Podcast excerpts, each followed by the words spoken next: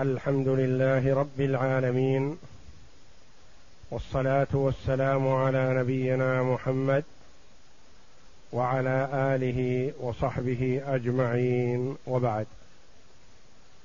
قال المؤلف رحمه الله تعالى كتاب الجنائز.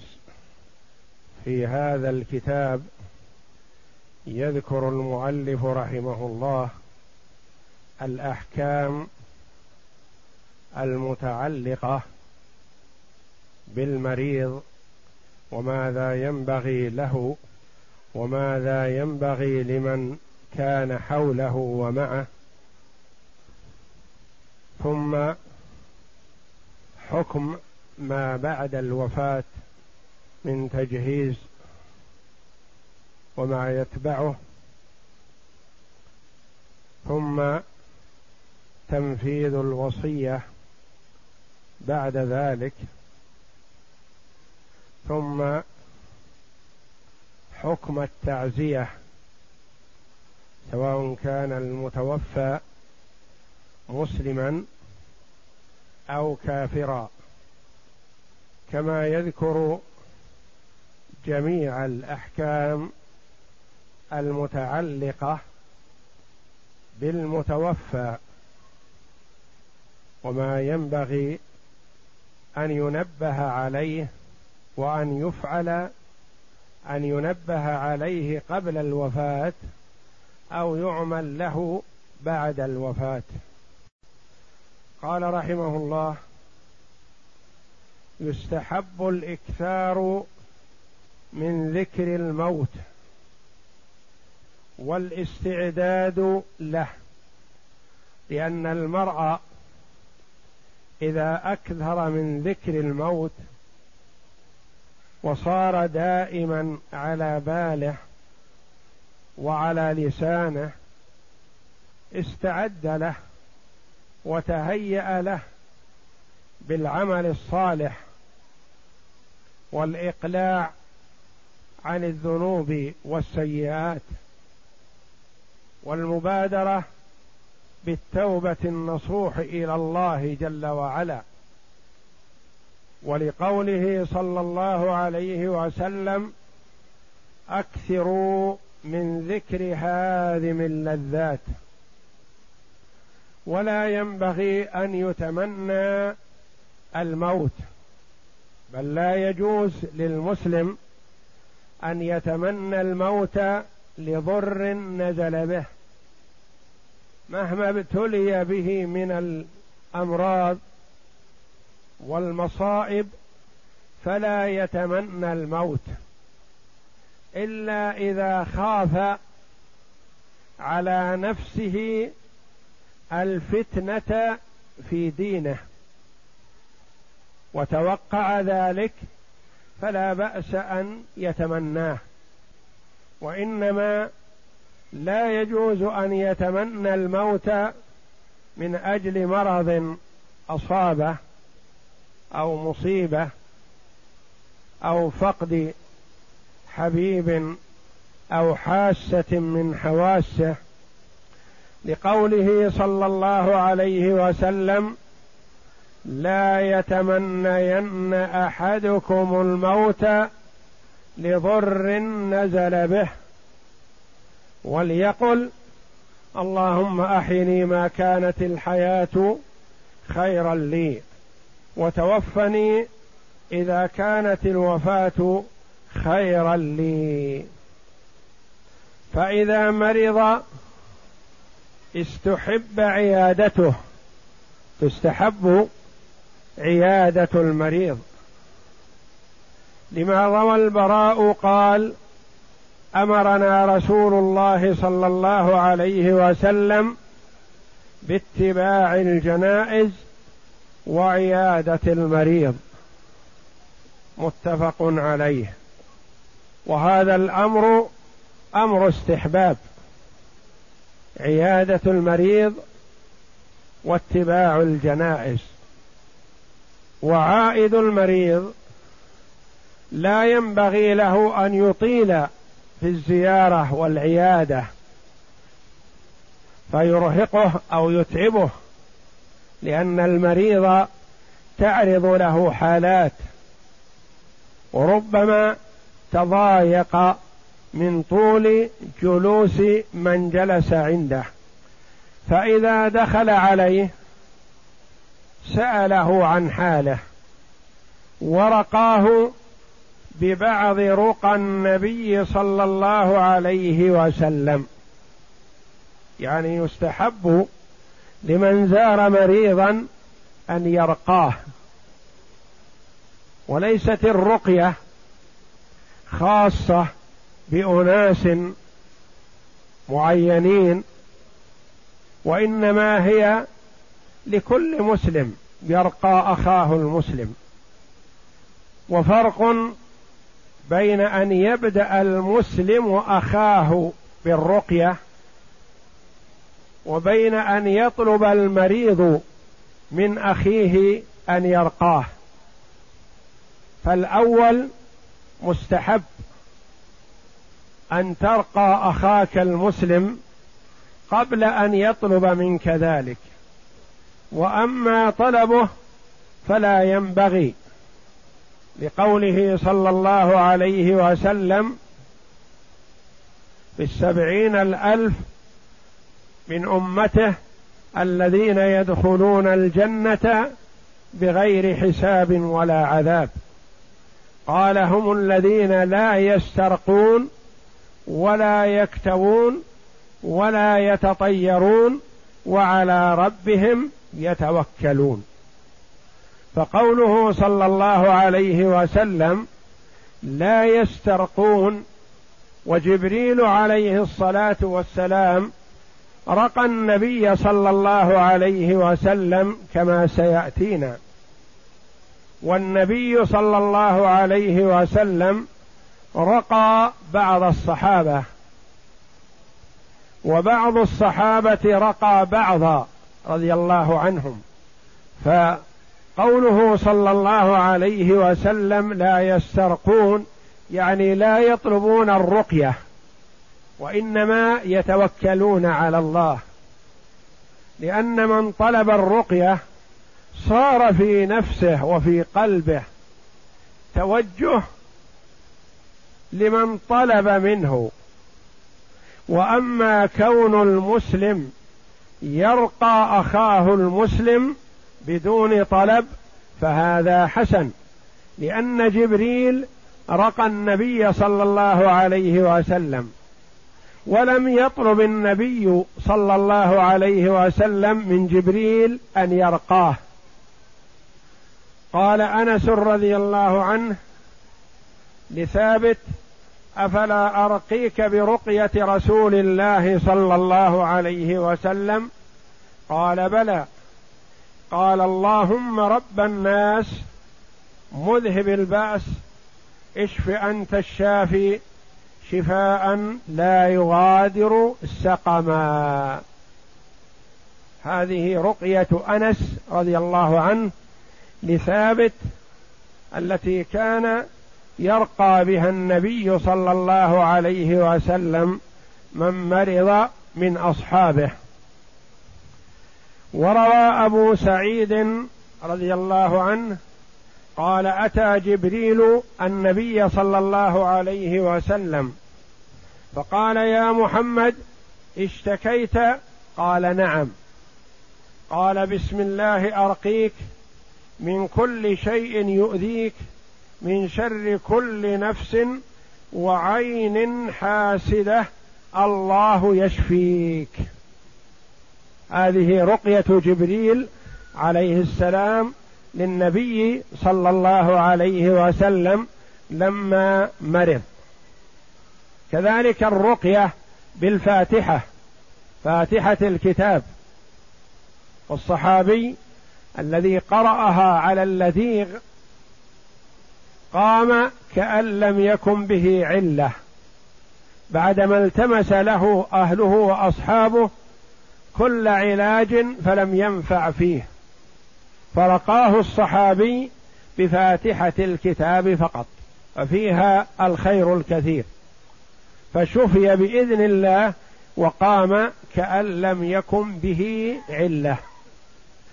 وينبغي للمريض أن يحسن الظن بالله جل وعلا وأن يغلب جانب الرجاء. فينبغي أن يكون الرجاء والخوف في قلب المؤمن كجناحي الطائر.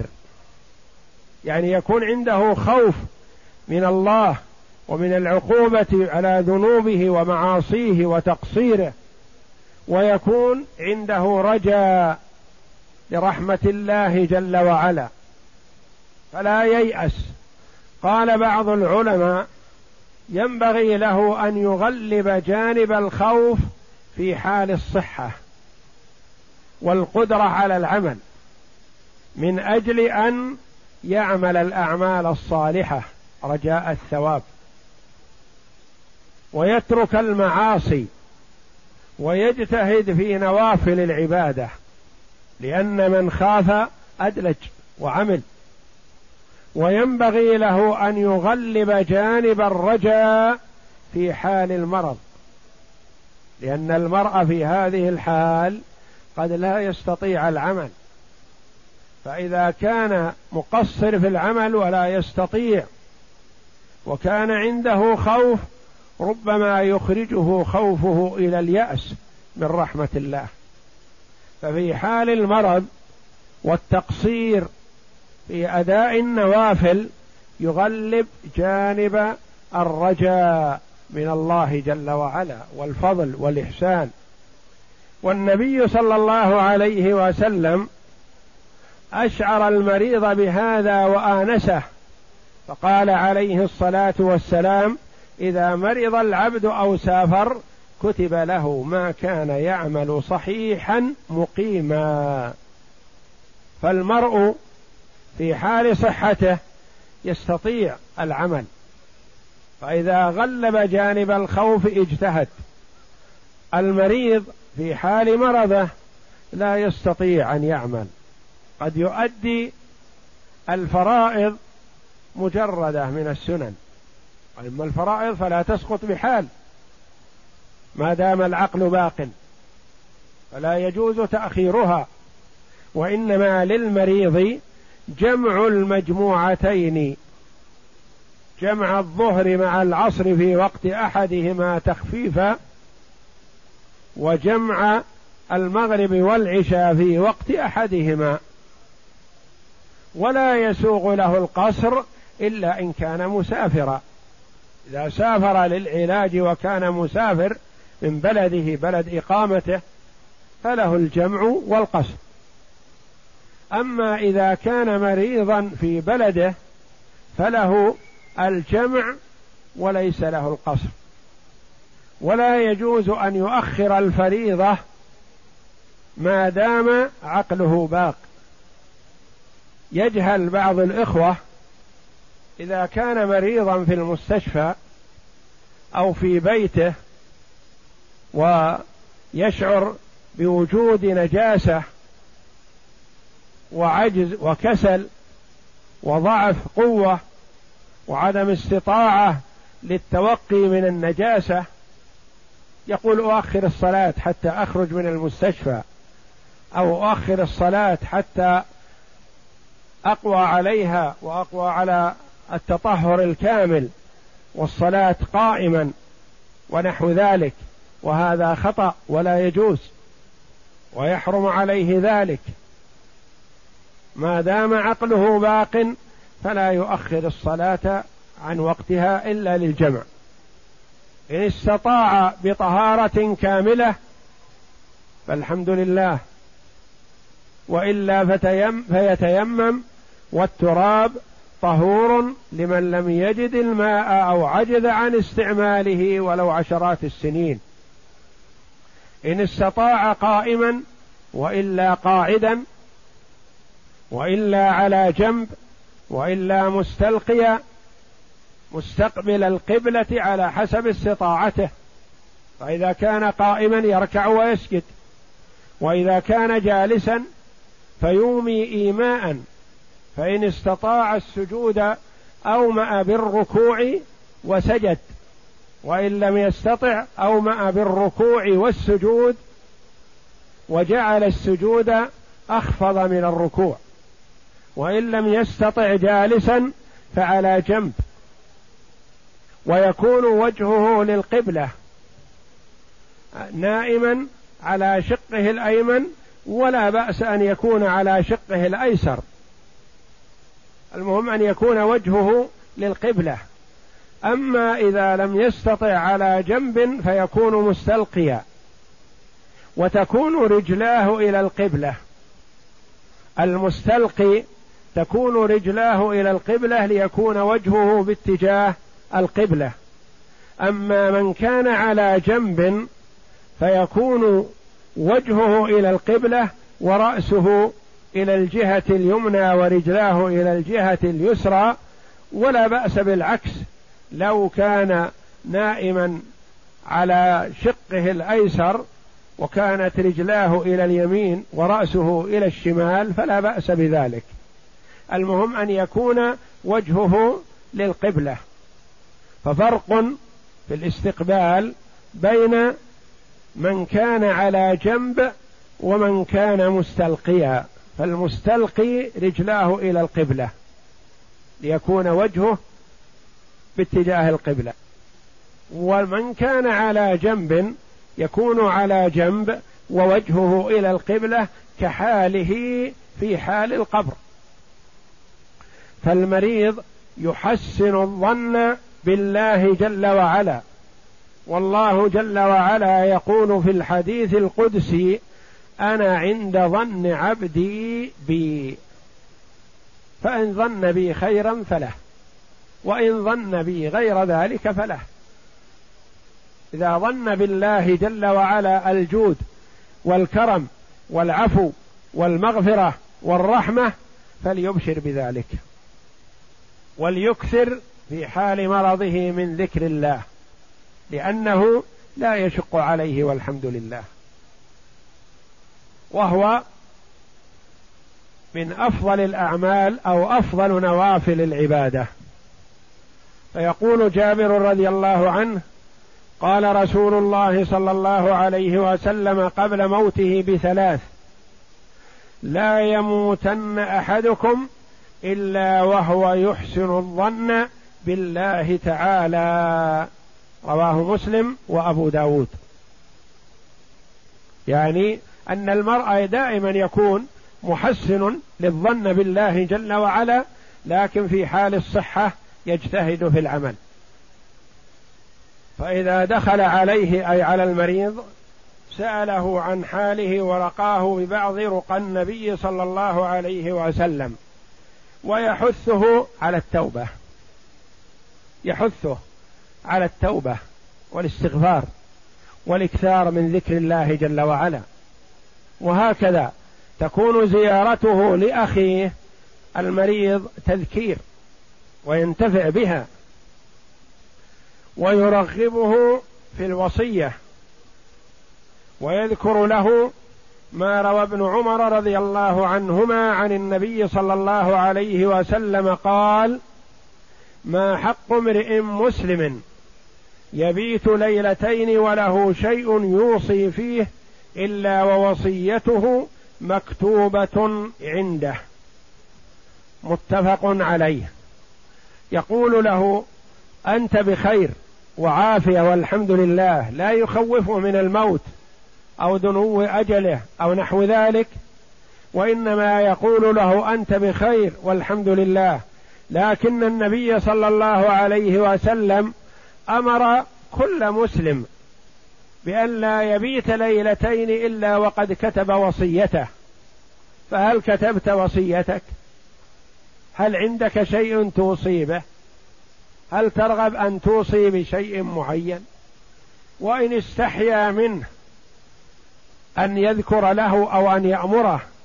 يقول طلبني فلان لكتابة وصيته أو أشهدني فلان في على وصيته أو كنت خرجت لزيارتك مبكرا لكن اعترض لي شخص طلب مني كذا وكذا كأنه يأتي بها على سبيل الإخبار وهو يذكره في الوصية حتى يقول المريض وأنا أحب أن أوصي أو أريد أن أوصي بكذا أو أرغب أن تكتب لي وصية أو أرغب أن أشهدك على وصية أو أرغب أن تدعو لي فلانا طالب العلم أو الكاتب أو كاتب العدل ليكتب لي وصيتي ونحو ذلك. تذكره بأي أسلوب رأيته حسن.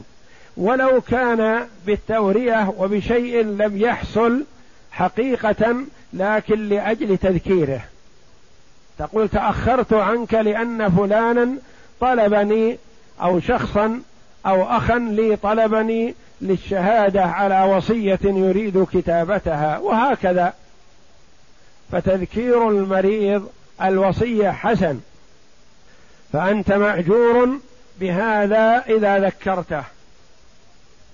فصل ويستحب أن يلي المريض أرفق أهله به وأعلمهم بسياسته وأتقاهم لربه.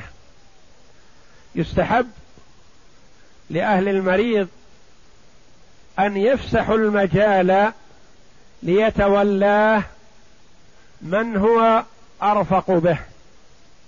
ومن المريض يستأنس به حال صحته ومن هو رفيق به وعنده فقه وعلم ليبصره وليكون في هذه الحال مشيرا له بالخير وما ينفعه في آخرته فقد يحسن العمل سنوات عديدة ثم يجور في وصيته فيختم له بسيء عمله فيكون من أهل النار والعياذ بالله كما ورد في الحديث. فإذا كان بجوار المريض فقيه متعلم رفيق أرشده إلى الخير ونهاه عن ما يضره في آخرته.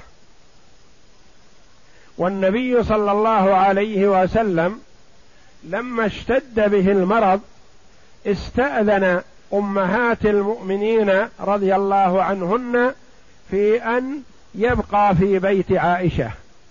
كان عليه الصلاة والسلام يدور على نسائه في حال مرضه. فلما ثقل استمر في القسمة حتى وصل إلى عائشة رضي الله عنها وهي أحب نسائه إليه فاستأذن من أمهات المؤمنين أن يأذن له في أن يبقى في بيت عائشة فأذن له رضي الله عنهن. أعلمهم بسياسته لأن بعض الأولاد يعرف ميول والده ورغبته ويتلطف به فيستأنس الوالد به. وبعض الأولاد يكون بخلاف ذلك. فإذا كان عند الوالد شق عليه وكذلك الوالدة.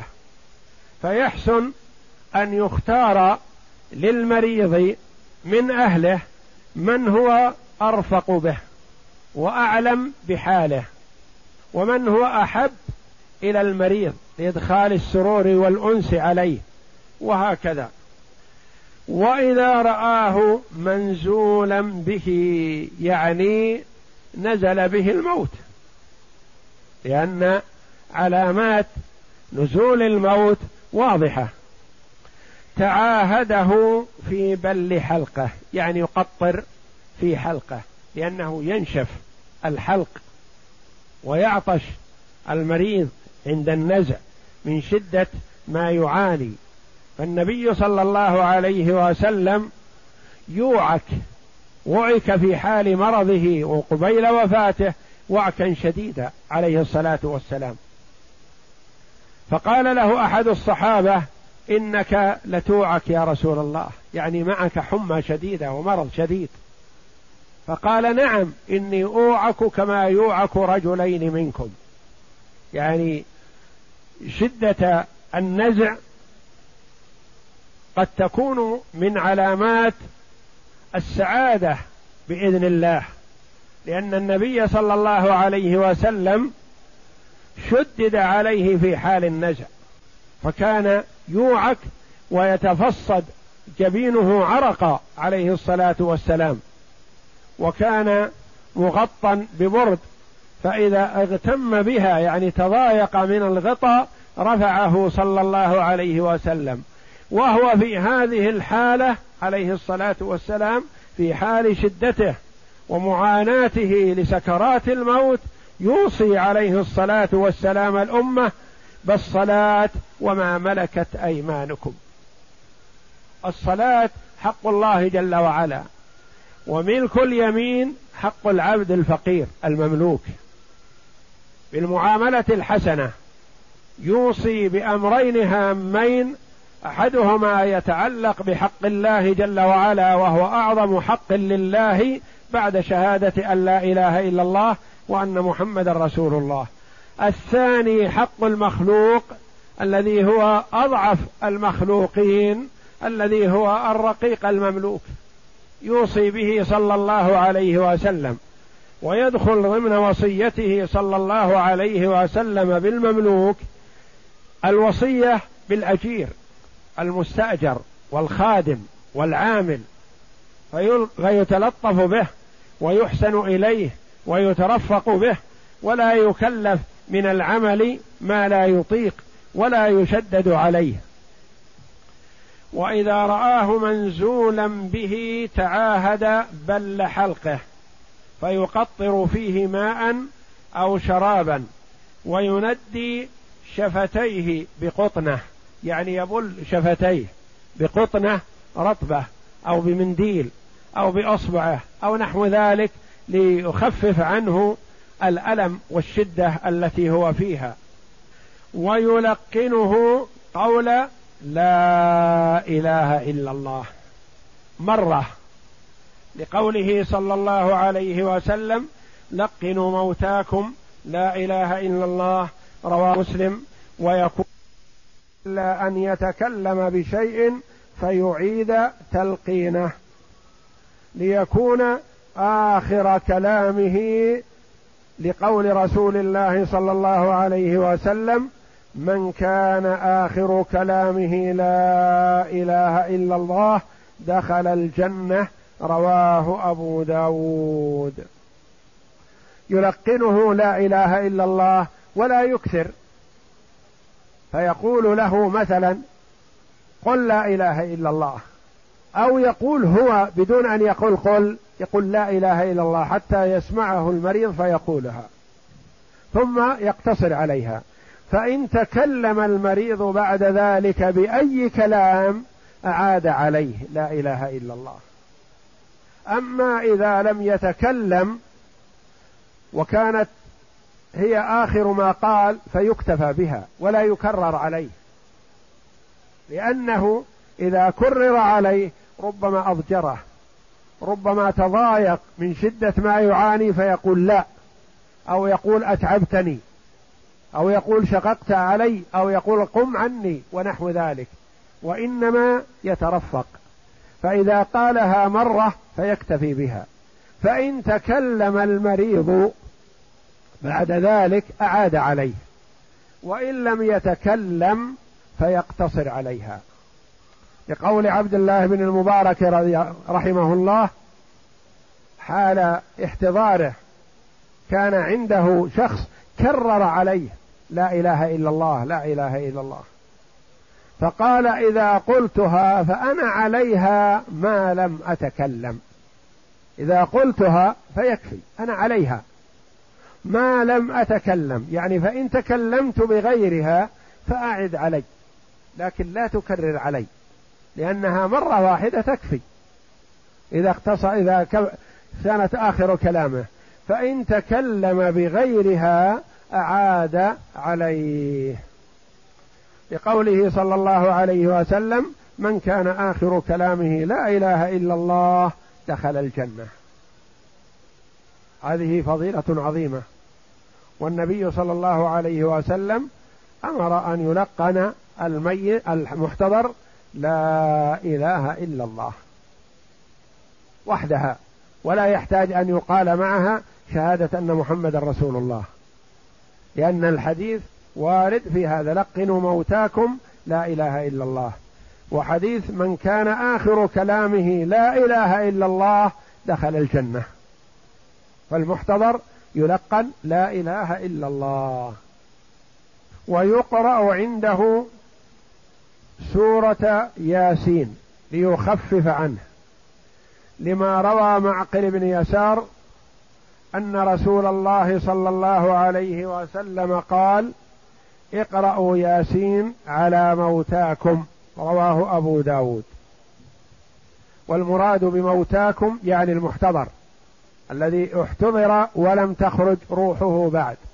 يستحب أن تقرأ عنده سورة ياسين لأنه ورد أنها تخفف عنه سكرات الموت. ويوجهه إلى القبلة كتوجيهه في الصلاة. يوجهه إلى القبلة وتوجيهه للقبلة كتوجيهه في الصلاة. إن كان على جنب فيجعل وجهه إلى القبلة ورأسه إلى جهة اليمين ورجله إلى جهة الشمال أو رأسه إلى جهة الشمال ورجله إلى جهة اليمين لا حرج. المهم أن يكون الوجه متجه للقبلة. وأما إذا كان مستلقيا فكما تقدم تكون رجلاه إلى جهة القبلة. لأن حذيفة رضي الله عنه قال وجهوني ولأن خير المجالس ما استقبل به القبلة. فصل. فإذا مات أغمض عينيه. لما روى شداد بن أوس قال قال رسول الله صلى الله عليه وسلم إذا حضرتم موتاكم فأغمضوا البصر فإن البصر يتبع الروح. هذا الحديث في المسند. ولأنه إذا لم تغمض عيناه بقيتا مفتوحتين فيقبح منظره. لأنها إذا خرجت الروح والعينان تشخص بالروح. فإذا أغمضتا انطبقتا وإذا تركتا بقيتا مفتوحتين. فيكون منظره موحش فإذا أغمضتا يكون أجمل وأحسن. وللحديث ويشد لحييه بعصابة عريضة. يجمع لحييه ثم يشدها على رأسه لئلا ينفتح فوه فيقبح منظره ويدخل فيه الماء عند الغسل أو ربما دخلت فيه بعض الحشرات. لأن المريض إذا احتضر و كان في حال النزع ارتخى فيرتخي الحنك الأسفل عن الحنك الأعلى. وقد لا يستطيع في حال احتضاره أن يكفه فإذا خرجت الروح والحنك الأسفل نازل عن الأعلى بقي على حاله. إذا خرجت الروح ما تحرك شيء من الجسم. المعتدل معتدل والمائل مائل والواقف واقف وهكذا. فيرد بأن يضع إحدى يديه على رأسه والأخرى تحت حنكه وتحت لحيته ويردها. فخشية أن ينطلق فيرجع على ما كان عليه مفتوح يعصبه بعصابة. عصابة عريضة يعصبها لتلم لحييه ولتلم الحنك الأسفل مع الأعلى. ولا يبقى مفتوح لأنه إذا بقي مفتوحا فعند الغسل قد يدخل فيه الماء. وإذا بقي مفتوحا منظره يكون قبيح غير مناسب وموحش. وإذا بقي مفتوح قد تدخله بعض الحشرات. فيرد حتى يلتئم. ويقول الذي يغمضه بسم الله وعلى ملة رسول الله. يقول هذا الدعاء الوارد إذا أغمضه ورد حنكة يسمي ويقول بسم الله وعلى ملة رسول الله. ويلين مفاصله لأنه أسهل في الغسل. يلين مفاصله لأنه حال الاحتضار ربما تكون المفاصل منثنية أو متباعدة. والأرجل كذلك وقد تكون الرجل واقفة والركبة أعلى. فما دام من توه خرجت روحه يكون فيه ليونه وقابل للتمديد بلا مشقة عليه بخلاف ما إذا تؤخر عليه في هذا فإنها تنشف أعضاؤه على ما كان عليه وتستمر على هذا فيحسن أن يمد يديه إلى جنبيه. ويلين مفاصل رجليه يردهما ويلين ركبتيه لتستوي برفق ولين ولا يقس عليه ولا يشدد عليه. فالمسلم له حرمة حيا وميتا. ويلين مفاصله لأنه أسهل في الغسل ولئلا تبقى جافة فلا يمكن تكفينه لأنها إذا وقفت الرجل مثلا واقفة والركبة أعلى صعب تكفينه. أو الأرجل متباعدة مثلا أو من ثنيها الرجل إلى الخلف ونحو ذلك أو هو مجتمع مثلا كحاله مثلا في حال نومة وراد الركبتيه مثلا إلى بطنه فقد يكون في حال مرضه يستحسن أن يلتم ويرى أنه أريح له فإذا خرجت روحه فيحسن أن يعالج برفق ولين ليمدد وليكن ممدودا أعضاؤه سمت بعضها بعض. ويخلع ثيابه لئلا يحمى جسمه فإذا خرجت الروح تضايق وأثر ما كان على البشرة من أي لباس فيحسن أن يخلع اللباس حال خروج الروح ويسجى يغطى بغطاء ولا يبقى مكشوف. يخلع اللباس ويبقى مكشوف وإنما يخلع اللباس ما دام توه وفي جسمه ليونه وممكن أن يخرج عنه اللباس بدون مشقة من قميص أو فنيلة أو سروال أو نحو ذلك ثم يغطيه بغطاء يستره. لئلا يحمى جسمه أو يحمي جسمه لأن اللباس يحمي الجسم يدفيه. فلا فيخفف عنه في هذا. فيسرع إليه التغير والفساد. يخرج له ريح. وخاصة إذا كان عليه ثياب صوف أو نحو ذلك أو ثياب دافئة إذا بقيت عليه فترة آه، أثرت على جسمه وأسرع إليها الفساد ورائحة النتن. ويجعل على سرير أو لوح حتى لا تصيبه نداوة الأرض فتغيره يعني يحسن أن يرفع عن الأرض ليكون الهواء يتخلل من أسفله أو يكون على لوح فلا يكون على الفراش الملاصق بالأرض حتى يكون يتطرق إليه الهواء ويترك على بطنه حديده لئلا ينتفخ يعني يوضع على بطنه شيء لأن الروح إذا خرجت ربما انتفخ البطن قبل الغسل. ثم يقبح منظره من ناحية ويكون الفساد يسرع إليه والرائحة النتنة فيوضع على بطنه شيء حتى لا يرتفع. يرد بطنه على ما كان عليه يبقى على ما كان عليه.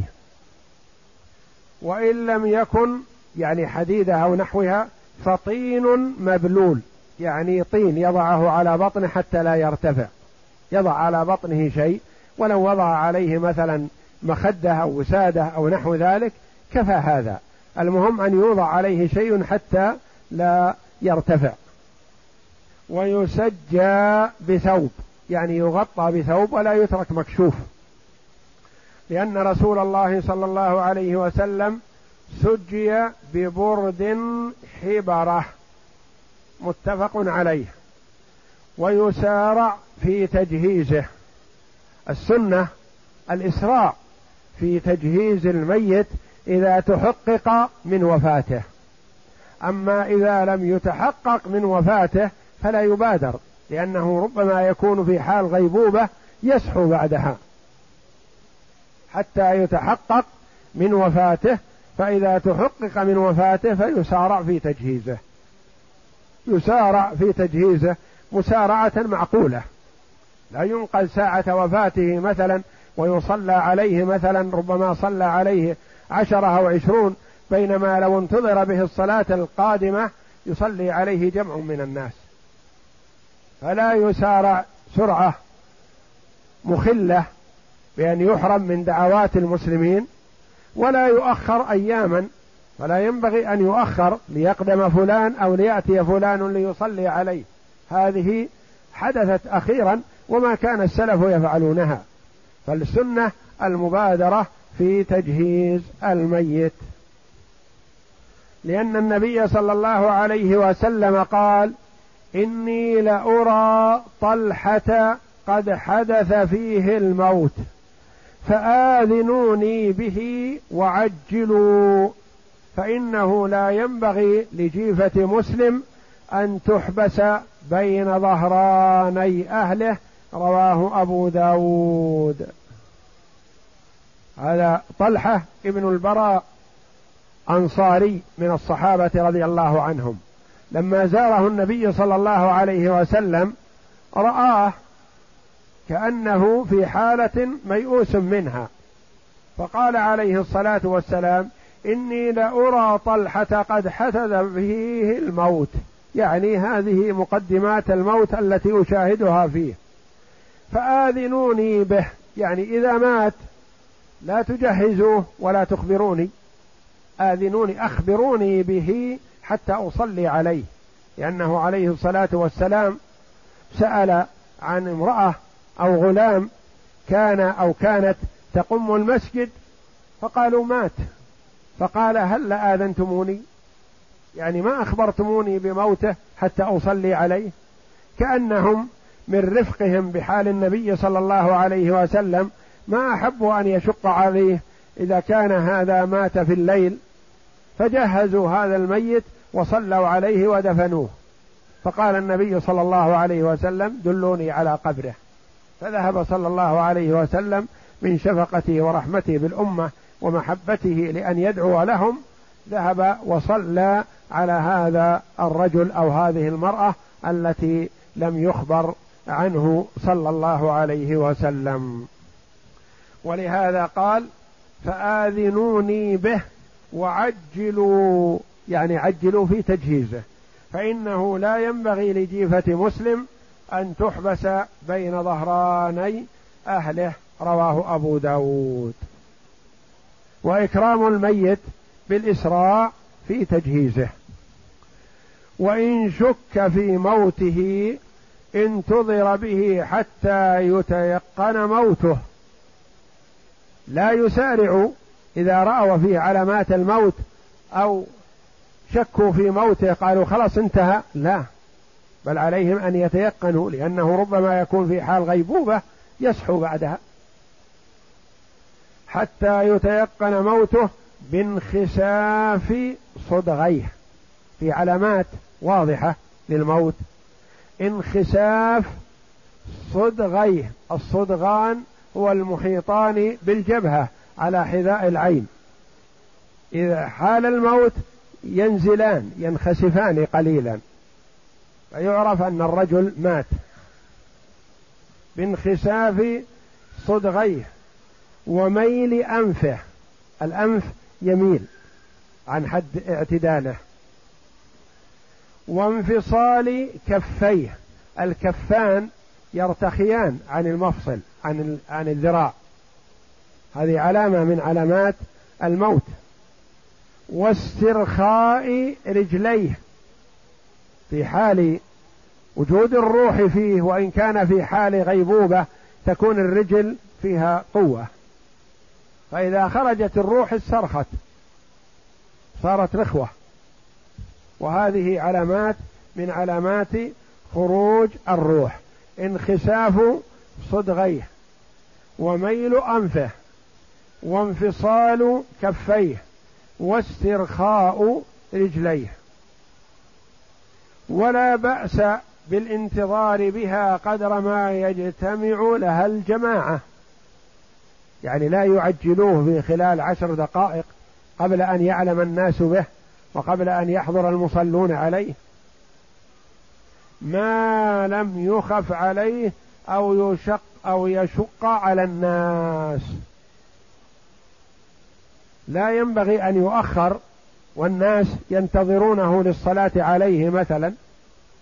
ولا ينبغي أن يؤخر إذا خيف عليه التأثر بالرائحة أو الانتفاخ أو نحو ذلك.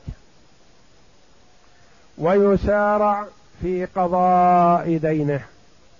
لما روي أن النبي صلى الله عليه وسلم قال نفس المؤمن معلقة بدينه حتى يقضى عنه. وهذا حديث حسن. فإن تعذر تعجيله استحب أن يتكفل به عنه. لما روي أن النبي صلى الله عليه وسلم أتي بجنازة. فقال هل عليه دين؟ قالوا نعم ديناران فلم يصلي عليه. فقال أبو قتادة رضي الله عنه هما علي يا رسول الله. فصلى عليه رواه النسائي. هذا دليل على أهمية الدين ووجوب الاعتناء به من قبل المسلم نفسه قبل وفاته. يهتم ببراءة ذمته وأداء الحقوق عنه.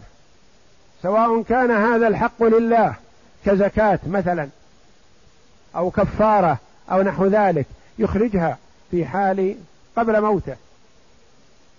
أو كان حقا لآدمي مثلا أيا كان. أو كان حقا لبيت المال كقرض من صندوق التنمية ونحوه. فيبادر بسداد هذا في حال حياته فإن لم يتيسر فيوصي به المبادرة بعد موته فإن لم يتيسر فينبغي لبعض ورثته الذين هم يرفقون به ويحبون الإحسان إليه أن يتحملوا هذا الدين عنه. ولا يبقى في صندوق التنمية العقاري أو غيرها مثلا باسم المريض أو باسم المتوفى يبادر بالسداد فإن لم يتيسر السداد فيتحمله أحد أقربائه عنه. لقوله صلى الله عليه وسلم نفس المؤمن معلقة بدينه حتى يقضى عنه. ولإشعار الأمة بالأهمية الرسول صلى الله عليه وسلم وضع بين يديه جنازة من جنازة, جنازة مسلم أحد الصحابة رضي الله عنهم. فلما أراد النبي صلى الله عليه وسلم أن يصلي عليه سأل هل عليه دين؟ قالوا نعم عليه ديناران. وفي رواية درهمان. فتأخر صلى الله عليه وسلم وقال صلوا على صاحبكم. صلوا على صاحبكم. فتأثر الصحابة رضي الله عنهم من هذا. يحرم أخوهم من شفاعة النبي صلى الله عليه وسلم ومن صلاته والنبي صلى الله عليه وسلم يدعو له اللهم اغفر له وارحمه وعافه واعف عنه واكرم نزله. هذه خسارة عظيمة عليه. فتبرع أحد الصحابة رضي الله عنهم أبو قتادة رضي الله عنه الصحابي الجليل قال يا رسول الله هما علي. ولا يحرم أخي من صلاتك. فتقدم النبي صلى الله عليه وسلم وصلى عليه. انظر أخي أهمية الدين. وورد أن الشهيد يغفر له عند أول قطرة من دمه قال صلى الله عليه وسلم إلا الدين. أخبرني بذلك جبريل آنفا. الدين حق العباد. وحق العباد مبني على المشاحة. كل يريد حقه. وصاحب الحق لا يعذر هذا المريض ولا يعذر المتوفى. يريد حقه. فالمرء إذا كان عنده قدرة على السداد فالذي ينبغي له المبادرة بالسداد قبل الموت. فإن لم يكن عنده قدرة فيوصي وليرغب إلى أحد ورثته أن يتحمل الدين عنه. فإن لم يفعل هذا ولا هذا فينبغي لأحد ورثته أن يتحمل الدين عنه. من أفضل ما يحسن به على أبيه أو أمه أو أخيه أو قريبه أو ابنه أن يتحمل الدين عنه بعد موته. ويطالب الورثة بهذا إن شاء. من التركة يعني وإلا فالورثة لا يلزمهم أن يسددوا الديون التي على المتوفى إذا لم يخلف مالا. فهذه الأحاديث أيها الإخوة إشعار للأمة بأهمية حقوق العباد. الشهيد الذي جاد بنفسه لله ولإعلاء كلمة الله يغفر الله جل وعلا له كل خطيئة إلا حق العباد إلا الدين ما يغفر لأن الدائن يريد حقه. وكثير من الناس هداهم الله يتسامحون في موضوع الدين وتجده يأكل ويشرب وينام ويلهو وهو مدين بأموال الناس كثيرة على رقبته.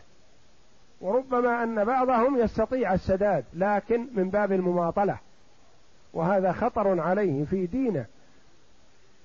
قبل إساءة السمعة في حال دنياه خطر عليه في دينه.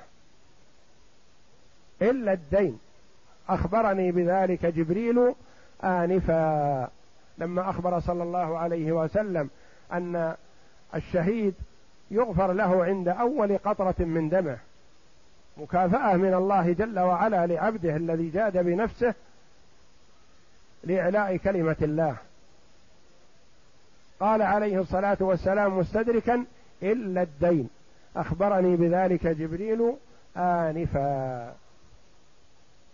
وأبو قتادة رضي الله عنه تحمل الدين عن هذا فتقدم النبي صلى الله عليه وسلم وصلى عليه وهما ديناران وفي رواية درهمان. وتستحب المسارعة في تفريق وصيته ليتعجل ثوابها بجريانها على الموصى له يستحب المبادرة في تعجيل وصيته يعني إذا وصى بشيء الورثة مثلا يقولون حقنا ممكن ومن حقهم التأخير. أو المبادرة سيان لأن هذا حق موروث. لكن إذا كان مورثهم قال يعطى فلان كذا سواء كان سدادا لدين أو كان صدقة منه تعطى فلانة كذا تعطى عمته خالته أخته غير وارثة تعطى شيء من وصيته مثلا وصى بهذا فيبادر لها. لأن حسناته وثوابه إذا وصلت الوصية إلى صاحبها. فيبادر في تنفيذ وصيته. ولو أخر الورثة قسمة التركة فيبادرون بإعطاء صاحب الوصية حقا. والله أعلم. وصلى الله وسلم وبارك على عبد ورسول نبينا محمد وعلى آله وصحبه أجمعين.